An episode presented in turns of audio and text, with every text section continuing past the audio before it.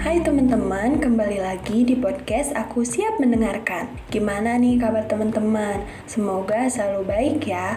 Oh iya, jangan lupa untuk selalu jaga kesehatan dan tetap di rumah aja ya. Hari ini aku mau sharing sama kalian materi perkuliahan aku yang kemarin tentang paradigma ilmu administrasi. Jadi, paradigma itu adalah pola atau model tentang bagaimana sesuatu distruktur. Aku mau sedikit menyinggung tentang sejarah administrasi. Jadi, administrasi itu pada abad ke-19an, administrasi dianggap sebagai seni pas masa prasejarah. Setelah itu juga ada pada abad ke-19an juga ada yang dimaksud dengan gerakan manajemen ilmiah. Ini dipelopori oleh Taylor dari Amerika Serikat dan Payol dari Prancis. Nah, ini juga sebagai awal yang menunjukkan bahwa berakhirnya ilmu administrasi sebagai seni dan menjadikan ilmu administrasi sebagai ilmu pengetahuan atau disiplin baru. Ini masuk ke abad 20. Yang selanjutnya kita masuk ke pemikiran ilmu administrasi menurut para ahli. Yang pertama ada menurut Franci Goodnow dan Leonard D. White. Ini dari tahun 1900 sampai 1926. Nah, inti dari pemikiran mereka yaitu menjelaskan bahwa ada dua fungsi pokok pemerintahan. Yang pertama fungsi politik dan yang kedua fungsi administrasi. Pemikiran yang kedua ada menurut Mary Parker, Henry Fayol, dan lain-lain.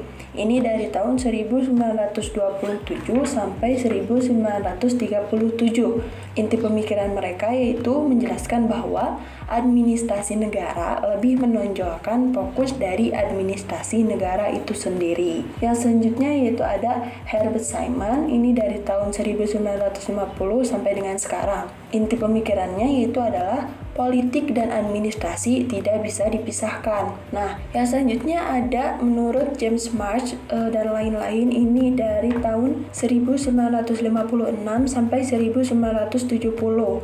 Inti pemikirannya yaitu adalah ilmu administrasi diartikan sebagai segala studi di dalam teori organisasi dan ilmu manajemen. Yang terakhir yaitu ada Herbert Simon 1970 sampai dengan sekarang. Jadi inti pemikirannya itu adalah administrasi negara itu lebih memusatkan pada pengembangan ilmu murni administrasi dan juga penentuan kebijaksanaan publik. Nah, sekarang kita akan membahas tentang hubungan administrasi dengan ilmu lainnya. Tentunya karena ilmu administrasi itu merupakan ilmu terapan, jadi banyak sekali uh, ilmu-ilmu lain yang berhubungan dengan ilmu administrasi. Yang pertama yaitu ada hubungan ilmu administrasi dengan ilmu psikologi. Contohnya, ketika seorang administrator harus mengetahui perilaku individu atau uh, behavior dari anggota organisasi dan bawahannya, nah seorang administrator juga harus mempelajari tentang psikologi. Lalu apa aja psikologi apa yang dipelajari oleh seorang administrator? Yang pertama itu ada psikologi penyuluhan, psikologi kepribadian, dan psikologi bahasa. Nah, yang selanjutnya juga ada hubungan ilmu politik dengan ilmu administrasi. Di sini, ilmu politik mendukung dalam mempelajari pencaturan kekuatan dan kekuasaan dalam masyarakat.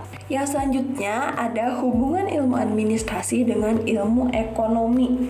Hubungan mereka ini, kedua ilmu ini itu sangat erat atau bahkan bisa saling melengkapi. Jadi, misalnya seorang ahli ekonomi itu tuh meramalkan dan juga pembuat keputusan. Nah, dalam meramalkan dan juga membuat keputusan ini ada proses administrasi. Yang selanjutnya ada hubungan ilmu hukum dengan ilmu administrasi. Ilmu hukum itu tentunya berkaitan dengan norma-norma, kaidah hidup. Perlu diingat bahwa prosedur administratif itu didasarkan pada perundang-undangan yang berlaku. Jadi, kita harus melakukan uh, kegiatan administrasi yang sesuai dengan eh, undang-undang atau norma-norma yang berlaku pada saat itu.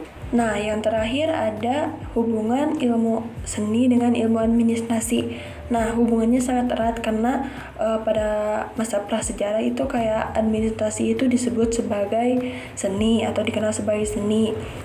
Mungkin cukup ya untuk sharing materi tentang paradigma ilmu administrasi. Semoga bermanfaat dan jangan lupa untuk terus mendengarkan podcast-podcast aku yang lainnya juga. Sampai bertemu di episode selanjutnya. Bye bye.